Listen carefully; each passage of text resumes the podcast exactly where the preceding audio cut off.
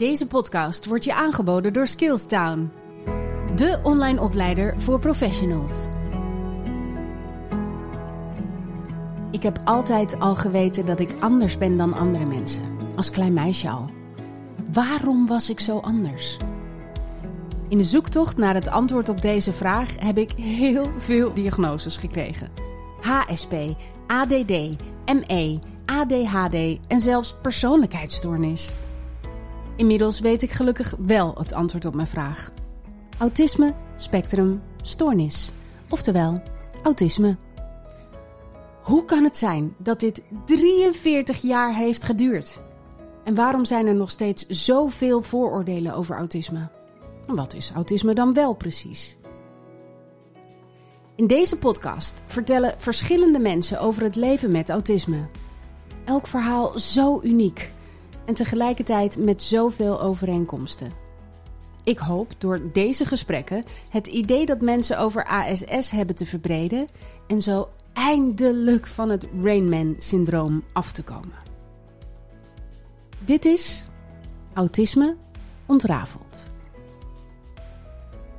En mijn gast van vandaag is Vera Helleman. Welkom Vera. Dankjewel Sonja. Op je website lees ik schrijver, trainer, coach en je bent ook nog eens ervaringsexpert. Oftewel de ideale gast voor deze podcast. Zou je om te beginnen wat meer kunnen vertellen over wat je allemaal doet? Oh, ik doe enorm veel en tegelijkertijd probeer ik nog ruimte voor mezelf over te houden. Natuurlijk het Emotie Expertise Centrum, waar wij trainingen geven om coaches in de wereld te zetten, emotiecoaches. En dat breidt zich steeds verder uit, nu ook met een leergang over autismebegeleiding, straks kinderen. Als het in me opkomt, dan rolt er een boek uit. Als er een boek uitrolt, dan moet ik echt twee maanden helemaal vrij nemen, want dan moet dat in één keer af. want als je in flow zit, ja, dan moet je flowen. Dus ik ben heel erg, en dat is denk ik wel autistisch, heel erg een periodemens. Mm Dus er komt een flow op en een focus en daadkracht en uh, alles moet wijken, want je bent er 24 uur per dag mee bezig, 300% En dan ligt daar weer een product. Dus zo gaat dat een beetje. Het is niet zo van, nou, op maandag doe ik dit, dinsdag dit, woensdag dat. Ja, vrijdag doe ik mijn spreekuren en woensdag meestal de trainingen. En verder pas je je aan aan wat je op dat moment moet doen. Exact, en wat er voorbij komt, hè? want wat er, ik zie het leven wel zo, aan wat er voorbij komt in het leven resoneert op wat je hebt uitgezonden. Dus meestal klopt dat met flow. Ja. Dat is misschien ook al wel autistisch, een beetje best wel afwachtend op wat het leven aanreikt. En daar duik ik dan in. Ja, mooi. Het is eigenlijk wel interessant, ja, als we dat in het kader van autisme bekijken is dit natuurlijk best wel het leven vanuit het nu. Wat nu natuurlijk in de Linda en de Happiness en de Wendy en er wordt natuurlijk gepredikt. Maar dat is eigenlijk de enige manier waarop een autist kan leven en handelen. Ja. En daartegenover staat natuurlijk de manier bijvoorbeeld bij grote bedrijven. Dan heb je functioneringsgesprekken en dan wordt er gevraagd. Waar wil je staan over vijf jaar? Ja, daar sla je als artiest helemaal in vast. ik kan nooit iets met die vraag. Nee. Daar kan je niks mee. En dan wordt inderdaad altijd gesteld. Precies, je kan er niks mee. Je kan er niks mee. Eh, een andere vraag zou natuurlijk wel zijn van, goh, waar zie je ons bedrijf over vijf jaar? Dat is een andere vraag. Mhm. Die is makkelijker. Ja, precies. En waar zou jij daar een rol in kunnen vervullen? Dan wordt het opeens wel een gesprek. Ja, dan wordt hij veel concreter. Precies. Ja, mooi. Wat een wijsheid al gelijk aan het begin van het gesprek. Heerlijk. Nou ja, in contact met jou, Sonja, ik vind het verrassend hoeveel uh, informatie er wil. Dat valt me op. Ja, fijn. Ik hoop dat dat zo blijft, want we gaan denk ik wel een uurtje met elkaar kletsen over iets wat voor ons allebei een enorme passie is. Ja. Maar ik wil het eerst nog even met je hebben over het werk dat je doet. Hè? Want je bent ontwikkelaar van de emotiecoach, oprichter van Emotie Expertise Centrum. Waarom is emotie zo belangrijk voor jou? Ik ben een voelend mens, dat ben ik altijd geweest. Dus ik ervaarde de wereld voelend. Als klein meisje al? Ja, als klein meisje ontdekte ik al, denk ik, nou, zo jong als ik me kan herinneren. Dat is het waarop ik kan vertrouwen. Want dat geeft, informatie geeft richting ja, dus op een gegeven moment begon ik ook interesse te krijgen in mensen.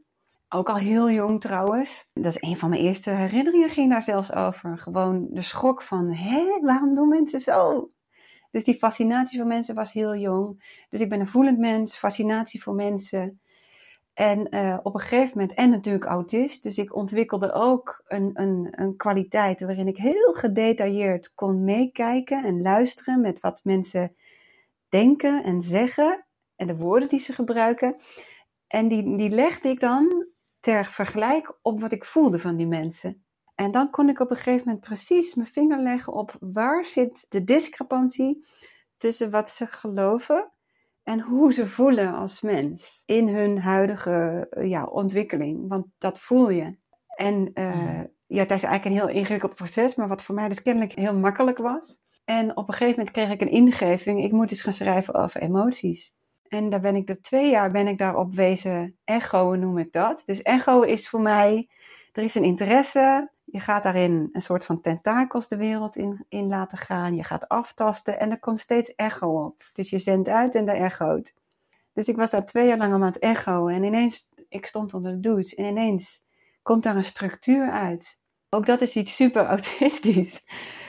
Want je duikt ergens in en je doet dat voor 300% 24 uur per dag. In de hyperfocus. Autisten zijn super in het ontdekken van structuren. Dus ik ontdekte een structuur in, in emoties.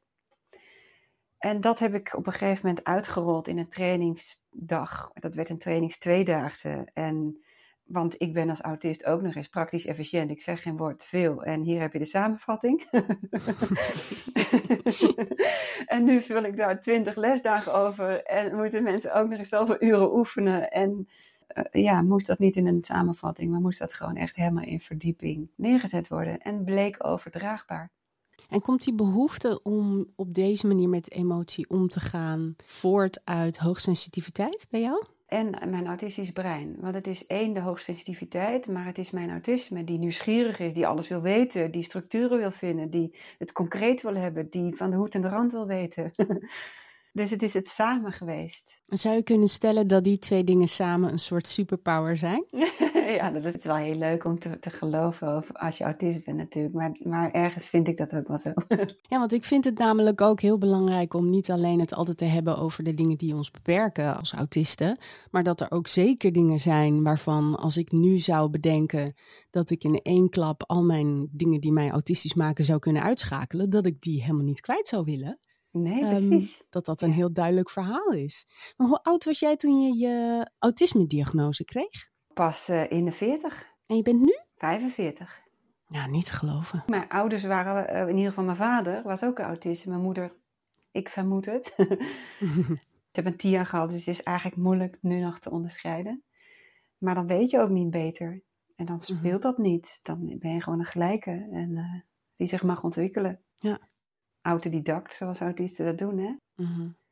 Maar ook als ik naar jouw energie kijk, Sonja, jij bent heel erg in de wereld. Dat is heel opvallend voor een autist. Hoe, hoe, hoe, hoe bedoel je dat? je, je hebt je plekje gevonden in de wereld. Mhm. En je bent het leven aangegaan en je bruist daarin ben ik absoluut met je eens. En het is ook zeker goed geweest dat ik het niet wist in die zin. Maar de andere kant van de medaille is in dat opzicht weer dat ik het zo hard ben aangegaan dat rond mijn dertigste mijn lichaam zei: we doen niet meer mee. En ik drie jaar lang op de bank heb gelegen en drie jaar lang eigenlijk niet heb geleefd. Je hebt ME, myalgische encefalomyelitis. Het wordt nooit meer beter, het wordt alleen nog maar slechter. Oh daardoor eigenlijk ook op dat moment mijn carrière onder me.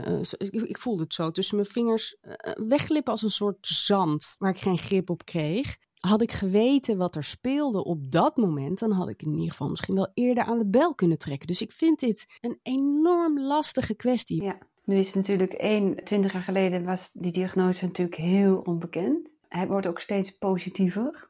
Tenminste, in de volksmond niet, maar het wordt wel steeds positiever. Ik vind wel dat in de hulpverlening er ook positiever naar gekeken mag worden. Want er wordt ook eigenlijk vooral gekeken naar, je hebt een gebrek wat naar voor je en hoe leren wij jou aanpassen aan deze wereld. Precies. Terwijl dat je als autist denkt, waarom is deze wereld zo, want hij klopt helemaal niet. en de aanpassingen die je als autist zou willen, zou beter zijn voor iedereen. Eens. Dat uh, zien ze natuurlijk over het hoofd. Ik kreeg de diagnose een maand nadat mijn vader overleed. Oh, waarvan ik nog steeds denk, had ik het maar geweten, dan was ons contact heel anders geweest. Iets wat terug blijft komen op bijvoorbeeld mijn socials. De vraag, als ik jou zo hoor praten of als ik lees wat jij schrijft, dan herken ik mezelf daar heel erg in. Maar ik kreeg, om maar even van stempels te spreken, hè, want ik bedoel dat niet negatief, maar ik kreeg de stempel hoogsensitief. Nu is er enorm veel overlap tussen autisme en hoogsensitiviteit. Kun jij eens vanuit jouw expertise en jouw kennis en jouw ervaringen van jouzelf uitleggen wat het verschil is? Er zit absoluut overlap in, maar ik zou zeggen puur alleen in het stukje hoogsensitiviteit, wat we allebei gemeen hebben met elkaar. En dat is één van de pijlers van autisme. Als je naar autisme kijkt, zoals ik het heb bekeken, staat beschreven in de kracht van autisme, hebben we drie pijlers van het voelen, zijn en het denken. In het voelen zijn we hypersensitief. Dus mega gevoelig, uh, niet alleen sensorisch, maar ook intuïtief, uh, weet je, die subtielere lagen. HSP'ers en autisten hebben dat gemeen met elkaar. En dat gaat natuurlijk heel ver.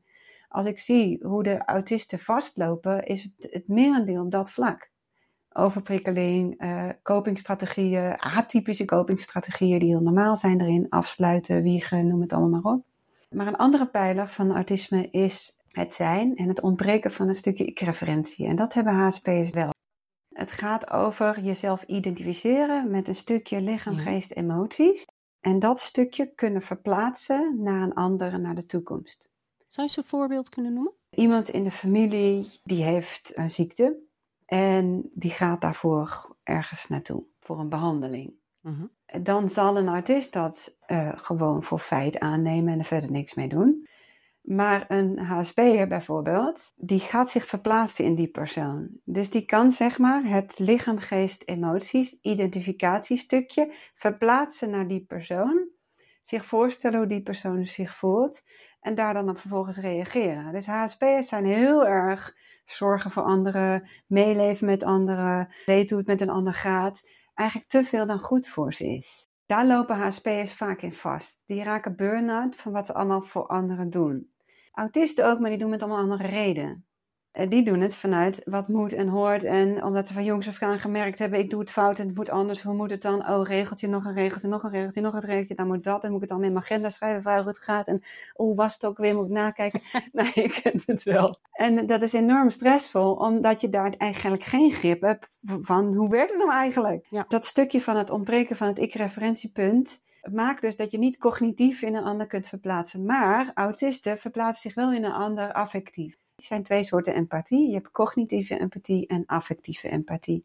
Cognitieve empathie is dat je dus met dat identificatie van geheel van lichaam, geest, emoties verplaatst in een ander en die kunnen zich voorstellen mentaal hoe het is. Dat is cognitieve empathie. Affectieve empathie is dat je zo in die voellaag zit, die hypersensitiviteit, dat als een ander iets voelt, voel jij het ook, als jij. Dus om een voorbeeld te noemen tussen een HSP'er en een autist, mijn zoon is een autist en zijn vriend is een HSP'er. En ik kwam ze ophalen van school en die waren aan het voetballen. Uh, met de klas. Nou, de autist die loopt er een beetje zo heen te schuifelen, want ja, die balgt alle kanten op en ik zie niet meer waarheen. En, uh, dus die staat er een beetje in. Die HSP'er doet goed mee. Die heeft nog dat overzicht. Dat is ook een deel wat autisten minder hebben. En ineens valt die voetbal bovenop het gezicht van een van de klasgenoten. Wat ik zie gebeuren is mijn zoon, die verkrampt helemaal in zijn gezicht alsof hij die bal op zijn neus krijgt. En die kan van schrik en overweldiging niet reageren, want hij voelt die pijn. Zijn vriend, de HSP'er, die ziet het gebeuren en die rent direct op het kind toe en vraagt: Hoe gaat het? Hoe gaat het? Waardoor men dus van buitenwereld zegt: Die autiste blijft maar gewoon staan en doet niks. Wat egoïstisch. En die HSP die loopt er gelijk naartoe. Terwijl feitelijk hè, de autist het veel meer invoelt. En wat nou, hè? Als je dat nou allebei tegelijk voelt als je bent opgegroeid met een soort aartsengel van een moeder, die bijzonder hoogsensitief is en bijzonder goed kan communiceren en over haar gevoel kan praten en dat altijd iedere dag met mij deed, Waardoor ik als klein meisje heel erg geconditioneerd ben op hoe ik moet anticiperen, hoe ik hoor te reageren. En niet vanuit een soort dwang, maar gewoon omdat ik mijn moeder kopieer, omdat ik haar geweldig vind. Maar van binnen die eerste reactie heb van ik zak in elkaar en ik weet niet hoe ik moet reageren, maar het dan uiteindelijk toch doe, omdat ergens dat beeld van mijn moeder dan omhoog komt. Dat vind ik dus heel verwarrend aan hoe mijn hoofd werkt. Ja. Dat is natuurlijk met heel veel autistische vrouwen zo. Die zijn veel meer sociaal georiënteerd. Hè. Hebben ook de voorbeelden van de moeders gekregen. Dus die zijn veel meer ook nog in aanpassingsgedrag, hoewel ik dat ook bij de mannen zie. Heel erg toch dat kunnen voelen, ook begrijpen, maar dan toch een aantal dingen missen.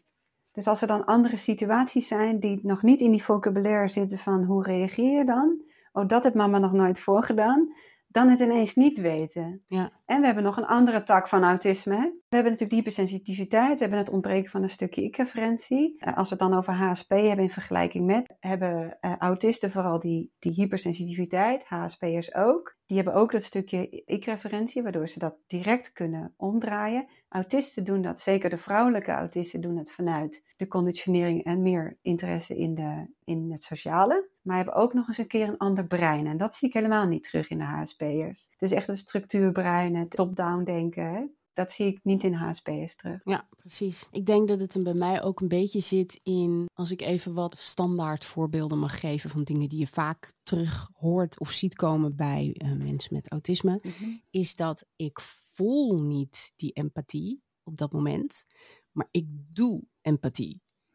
Ja. En ik voel niet dat ik sociaal moet zijn als ik in een situatie ben met mensen. Maar ik doe sociaal, omdat ik inmiddels op mijn 44ste weet hoe dat moet. Maar dat er letterlijk nu, omdat ik met jou in gesprek ben, hele natte plekken ontstaan in mijn kleding van het zweten. En ik zojuist een zweetdruppel over mijn rug voel lopen dat ziet niemand. En dat is een van de meest fascinerende dingen die ik dus heb ontdekt. Toen ik mijn vooroordelen een beetje los kon laten en er wat meer over wist. Wat er dus gebeurt achter de schermen. Wat er gebeurt vooral bij vrouwen. De dingen die je niet ziet. Ja. En dat is denk ik eh, wat heel erg veel ook onderschat wordt. Dat het onderschat wordt is één. En dan kunnen we zeggen, goh, heeft, uh, zie dat meer en erken dat meer of doe er iets mee. Wat ik me dan afvraag als je dit verhaal vertelt is waar je zegt, ik, ik voel die empathie, maar ik doe die empathie. Ik zou zeggen, er ging nog iets aan vooraf. En ik ben benieuwd of je dat wel voelt. Want wij, wij zijn ook het gevoel, zeg maar. Mm-hmm. En wat er bij heel veel autisten is gebeurd, is dat ze, omdat het niet mogelijk is om die identiteit te leggen in daar waar iedereen het in legt, in geheel van lichaam, geest en emoties, zijn er maar drie andere opties. Of er is helemaal geen identificatie, waar, waarbij je een speelbal bent van in, in, invloeden van buiten en maar heen en weer beweegt en dat is ook niet handig, maar dat is maar een klein deel. Of je gaat je identificeren met allerlei gedachten over jezelf en ideeën over jezelf, al dan niet ingeprent door het perfecte beeld van meisje dat, ze moest, dat je moest zijn en daaraan voldoen. Een andere optie namelijk is, en het kan allebei hoor, is dat je dus contact hebt gemaakt met een dieper wezen. Dat is iets anders dan de identificatie. En op die laag, daar voelen we ook de empathie. Mm nu zeg je, ik merk dit op omdat er een zweetdruppel langs mijn rug gaat. Maar voel je dan ook angst? Of voel je dan ook waar die is ontstaan? Ik ben bloednerveus mm voor het gesprek. Terwijl ik weet precies wat ik doe. Het is iets wat ik leuk vind. Het is een passie. Mhm. Maar het feit dat ik een gesprek aanga met iemand die ik niet ken, geeft mij angst. En geeft mij het gevoel dat ik awkward word. Heb ik me wel goed genoeg voorbereid? De vorige keer heb ik dat en dat en dat en dat en dat allemaal niet gezegd. Ik had dat en dat en dat en dat moeten vragen. Wat als dat weer gebeurt? Dan ga ik heel erg in mijn hoofd zitten. Precies. Maar ja, dan kom ik direct weer op een ander punt. Mhm. Ik heb dus een paar keer in mijn leven te maken gehad met een moment dat ik het niet meer wist hulp heb gevraagd. En dat ik op het moment dat we ook maar in de buurt kwamen van autisme, werd weggestuurd met Jij bent veel te emotioneel om autisme te kunnen hebben. Ja. Maar wat jij dus eigenlijk zegt, en ook een van de belangrijkste redenen waarom ik dacht, ik, ik moet Vera in de podcast hebben, want dit vind ik zo'n belangrijk onderwerp, is, zou het niet zo kunnen zijn dat wij misschien wel veel gevoeliger zijn ja. en veel meer in touch zijn ook met die gevoelens dan veel neurotypische mensen? Ja, zeker. Uh, met een aantal correcties. Je noemde het al goed. Je bent veel te emotioneel. Wat mij betreft zijn eh, heel veel neurotypische mensen veel emotioneler. Maar emotioneel zijn is niet per se gevoelig zijn. Als je kijkt naar Autismeland en je kijkt naar de stapels boeken die erin te vinden zijn, zijn er heel veel boeken geschreven door neurotypische mensen die autisme onderzocht hebben en daar conclusies over hebben getrokken vanuit een neurotypische referentiekader. Maar ze missen dus hoe het is om van die andere planeet te komen. We hebben natuurlijk ook, en dat gaat absoluut veranderen, de autisme-diagnoselijsten zijn vooral tot stand gekomen door mannelijke autisten te bestuderen. Omdat het daar veel dikker bovenop ligt. Omdat autistische vrouwen veel meer hebben kunnen aanpassen. dus dat is een nieuw terrein, een redelijk nieuw terrein. En het emotioneel zijn, emoties geven feedback op overtuigingen. En heel veel neurotypische mensen ogen veel emotioneler, zijn het ook, als je het verschil tussen gevoeligheid en emotioneel begrijpt. Is omdat het emotioneel zijn geeft feedback op overtuigingen. En emotioneel gaat heel vaak over een ikje. En bijvoorbeeld, de meest emotionele mensen. Ik, ik, vroeger hadden we er een op het schoolplein. Die zat bijna elke dag te huilen, een van de moeders. En als je dan met haar stond te praten, dan vertelde ze: Nou, weet je, de achtertante van mijn buurvrouw heeft zoiets meegemaakt. Dat is zo erg. En dan dacht ik als artiest: Nou ja, doe niet zo maf. Dit gebeurt jou toch niet? Het is de achtertante van je buurvrouw. Dus de enorme identificatie met, met andermans problemen, dat is, dat is het identificeren aan zich, is daar waar het gros van de mensen onder lijdt. En een autist is veel nuchterder, maar niet ongevoeliger. Dat is echt een misvatting. Gevoeligheid is absoluut een super mooi en geavanceerd gereedschap, maar, maar autisten houden hun hoofd koel. Als ik naar mijn, mijn eigen leven kijk, en dan kan ik een heel persoonlijk voorbeeld geven. Mijn, mijn man en ik hebben vier kindjes verloren, waarvan er oh. twee op een hele nare manier met buitenbaarmoedelijke zwangerschappen, waarvan ik er eentje bijna niet had overleefd. Mhm. Mensen hebben zich zo vreselijk verbaasd over hoe ik iedere keer weer een dag thuis zat, huilde, en dan de volgende dag aan het werk ging en dacht, ja, weet je, ik kan hier nu in blijven hangen. Ik zie het nut daar niet van in. En, en er zijn echt mensen die toen hebben gezegd dat ze me ongevoelig vonden. Ja. Ja. En dat is me altijd bijgebleven. Dat erom huilen en helemaal diep in dat proces gaan, want je kunt niet anders en je hebt er alle tijd voor nodig en dan kan er ook niets anders, want er kan maar één focus zijn, is mega belangrijk, maar maakt ook dat je er sneller doorheen gaat. Ja. En tegelijkertijd, waardoor uh, het gros van neurotypische mensen veel te lang in pijn blijven, is omdat ze dus uh, zich identificeren en dat, oh jee, ik en wat als dan blijven hangen. En daarin inderdaad, wat jij zegt, het praktisch nut. Dat is geen praktisch nut, dat is jezelf kastijden. Maar we hebben met z'n allen niet door dat het gaat om die identificatie. En nou zeg ik echt niet dat dat per se altijd heel goed is hoor. Nee. En ook dat zijn situaties geweest waarin ik me heel bewust was. En toen wist ik nog niet dat ik autisme had. Van hé, hey, ik ben echt anders gewired. Ja. Ik krijg best wel veel vragen van mensen die ofwel in een burn-out zitten, ofwel de diagnose hebben en op het werk moeite hebben. Mijn man bijvoorbeeld is, is drie jaar ook uitgevallen omdat hij werd overschat op zijn werk en we toen nog niet wisten dat het autisme was. Als je nou naar al die dingen kijkt, denk jij dan dat het verstandig is bijvoorbeeld om op je werk te delen dat er autisme speelt? Ja, ik denk dat het per werkvloer verschillend is. Dat je echt moet aftasten hoe gaat er met deze informatie omgegaan worden. Pak ik toch even een voorbeeld van mijn zoon en dan ga ik terug naar volwassenen. Voor het eerst middelbare school. We hebben wel gemeld dat hij, dat hij autisme heeft, maar niet de rapport van de psycholoog erbij gedaan. Ja, mooi. Als we het over het werk hebben, zijn er hele conservatieve collega's en bedrijven, maar ook een heleboel bedrijven en, en, en bazen die wel openstaan. Ja. ja, ik zou het delen, maar dan wel gelijk met uitleg wat het is. Zorgen dat je een soort lijstje van tevoren maakt met dingen die je zou kunnen zeggen en dingen die je kunt uitleggen. Omdat ik van mezelf weet dat ik in gesprekken met bazen eigenlijk altijd een soort van standaard in paniek raak en dan nooit zeg wat ik wil zeggen.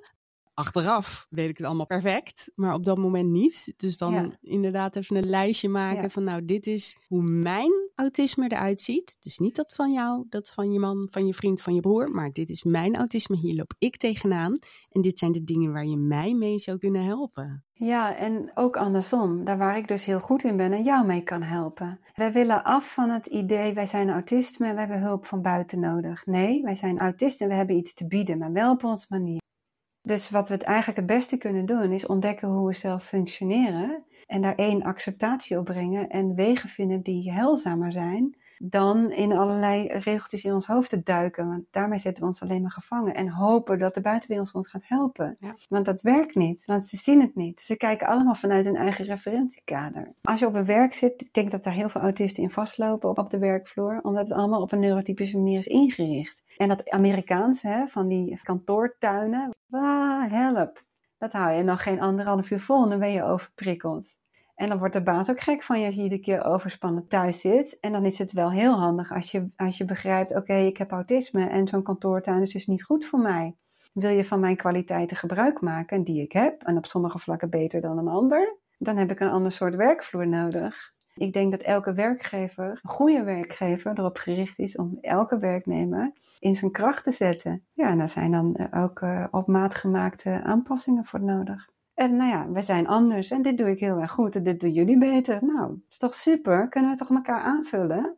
Bang voor je oordeel helemaal niet. Dus voor mij is het oké, je denkt er maar van wat je wil. dus we willen allereerst de acceptatie in onszelf brengen. Door ook natuurlijk te gaan onderzoeken wat is er positief aan autisme. En het brein, dat, dat je niet aan de hand moet meenemen zoals het op de school gebeurt. Hè? Stapje voor stapje, brokje bij brokje, leiden we zo naar uiteindelijk de thesis. Dat is super frustrerend voor een autist. Een autist zegt, geef mij die thesis en ik ga uitpuzzelen hoe het in elkaar zat. En hoe je daartoe gekomen bent. juist.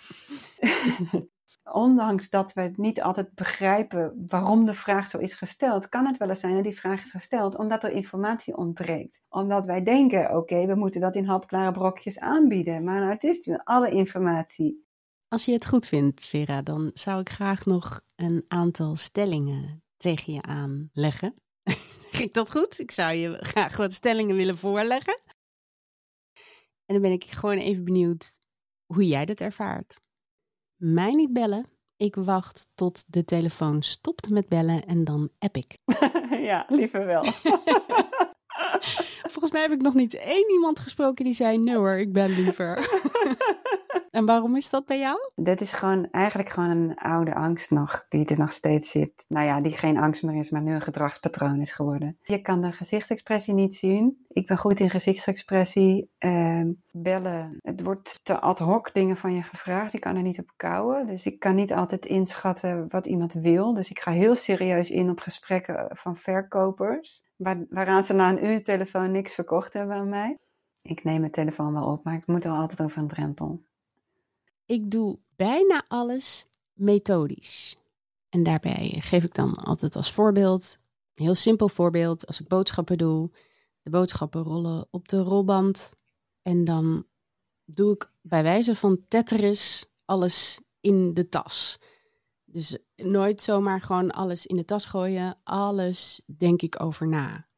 En dat is eigenlijk altijd. Ja, ja dat is eigenlijk wel zo. Ja, ik ga zigzaggen door de winkel. Dat is waar. En de zware dingen moeten eerst op de band, zodat ze ook onder in de tas komen. En dat, dat is wel zo. Ik, ik ben wel een jarenlang bewust bezig geweest met dat allemaal af te gooien en weer ruimte te geven aan de flow.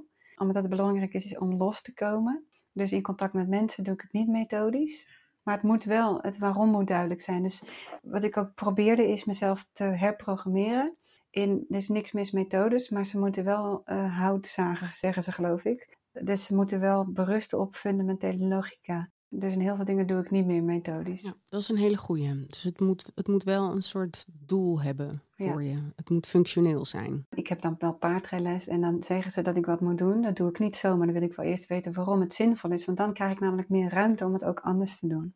Want ik wil niet vastzitten in methodes. Want dat zet mij gevangen. Een dag werken kost minder energie dan een verjaardag. Ja, absoluut. Ja, waarom is het eigenlijk zo? In het sociale, daar kan je je eigen flow niet volgen. Dan moet je rekening houden met andermans flow in interactie. En als ik bijvoorbeeld training geef, ben ik ook sociaal. Hè? Want daar zit ook soms wel samen met 150 man. Ja, wauw. Maar dat is toch anders als een feestje, want daar heb ik de leiding. Ja, precies. En zet ik de flow. Ja. Dus het is niet per definitie met groepen mensen is, is het vermoeiend, maar het is, kan je het op je eigen flow doen of niet? Ja, ja helemaal eens. Ja. Ik word boos van mensen die in mijn buurt smakken of chipszakken kraken. Of bijvoorbeeld het draaiorgel op straat en dan die rammelende centenbak. Heel boos. uh, nee, word ik niet boos van. Waarom niet? Omdat ik direct al ingrijp. Dus boos is een laatste redmiddel. We wonen hier met heel veel hele gevoelige artistische mensen. Eh, dus als daar een naar geluid is, zeggen wij gelijk tegen elkaar: is het met dat geluid? En dan hoef je niet boos te worden. En dan, dan is daar ook altijd begrip voor. Nou, iedereen herkent het. Ja. Ik heb er nog drie. Trek je het nog? Ja, dit is best een leuk spelletje. ik heb een hekel aan douchen. Nee, vind ik lekker. Heerlijk. Ik vind het heel intens. Vooral in de winter, die overgang van kou naar warm en dan weer van warm naar kou. Oh, heftig. En ook dat gevoel van die druppels op mijn hoofd en op mijn lijf en je moet van alles. Heel intens. Nee, en ik vind het echt lekker, maar de overgang van warmte naar kou niet. Die vind ik naar. Maar, maar weet je wat de truc is namelijk? Nou? En eh, dat ook eh, waar de een overprikkeld kan worden van de chipzak en, en de muziek. Maar op het moment dat je volledig de ervaring aangaat, ga je juist in die intensiteit genieten. Mhm. Bijvoorbeeld vanochtend had ik me verslapen. Ik dacht even snel douchen. En dan ga ik zo op, eigenlijk in het genot van het douchen, dat ik veel te lang sta te douchen. Oh ja. En dat is net met muziek. Op het moment dat je overprikkeld wordt door muziek die door een gesprek heen gaat, omdat jij met je focus bij het gesprek gaat, dan is die storend. Maar wanneer je niet in gesprek gaat en je gaat gewoon één zijn met die muziek, dan is die fijn. Ja. Ik zet tegenwoordig een, eh, een luisterboek aan onder de douche. Dat helpt. Ah, afleiding. Dan ligt mijn focus net even ergens anders. Ik ben sowieso heel erg van de luisterboeken. Vroeger las ik enorm veel. Op de een of andere manier, vanaf dat ik een jaar of veertig werd, lukt dat niet meer. Want zodra ik begin te lezen, val ik in slaap. Ja. Instantly, binnen een minuut. Ik weet niet of dat te maken heeft met de beweging die je ogen maakt. Of gewoon dat ik überhaupt moe ben. Maar eh, luisterboeken zijn voor mij echt eh, de uitvinding van de eeuw. Heel erg fijn. Mits het natuurlijk iemand is die goed voorleest. En niet de hele tijd klakt met de tong. En smakt. Heeft het niet het gewenste effect, inderdaad.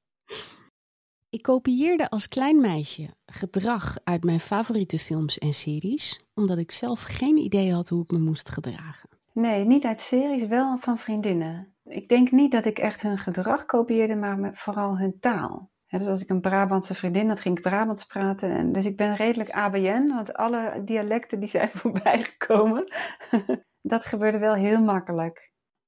Ik heb moeite met dingen afmaken. Alleen als er geen flow meer op zit. Ja, hoe zou dat komen? Dat heb ik wel eens, ja. En aan de andere kant, als het een special interest is, dan kan ik dat toch wel weer volhouden. Ik heb bijvoorbeeld in, in de coronatijd een, een, een vijftal o- operaties aan mijn knie gehad. Dus het was en corona en ik kon niet lopen. Dus ik verveelde me. Dacht ik, nou, dan ga ik diamond painten.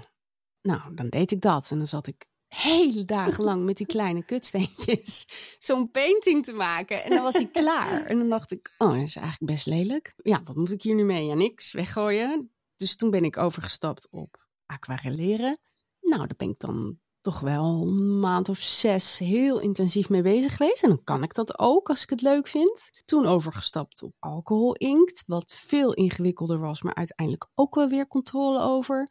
Nu zit het dan weer in de acryl, dus ik ben opeens aan het schilderen. Terwijl ik had een dikke onvoldoende voor tekenen. Daarna heb ik er nooit wat mee gedaan. Maar als het dus een special interest is, dan kan ik rustig van half acht 's ochtends tot half vier 's nachts met heel veel plezier en energie schilderen. Precies.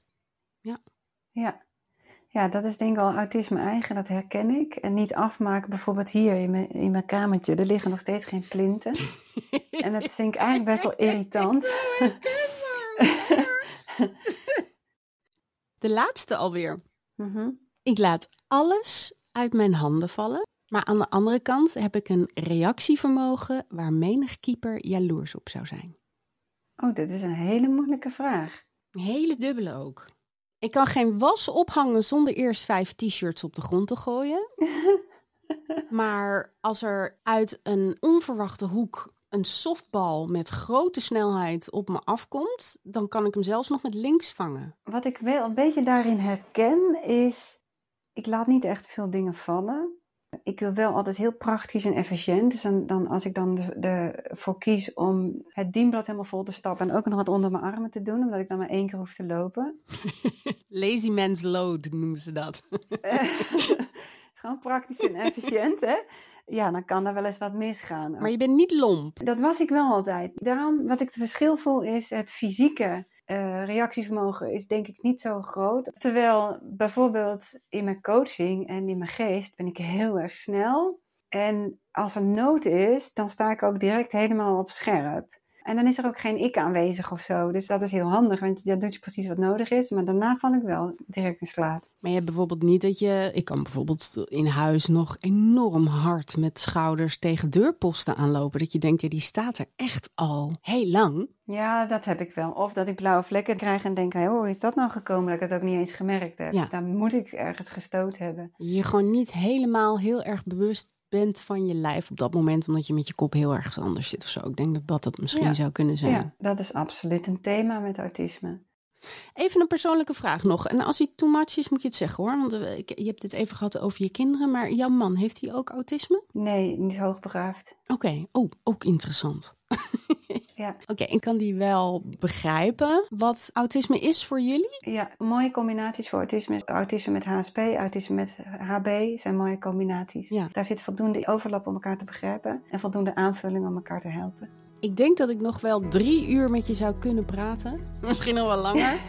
maar we gaan het afronden. Heel erg bedankt voor je tijd en je energie en je liefde. Ik vond het een heel fijn gesprek. Ik hoop dat jij het ook leuk vond. Ik vond het ook een leuk gesprek. Ik vond het zeker een leuk gesprek. Leuke klik. Leuk. Nou, succes. Tof. Ja, Dankjewel, ik ga mijn best doen. En bedankt voor het luisteren. Mocht je nog vragen hebben over autisme, dan kun je natuurlijk altijd even mailen naar sonja.silva.skillstown.com. Volgende week ben ik er weer met een nieuwe aflevering en weer een nieuw verhaal. Tot dan.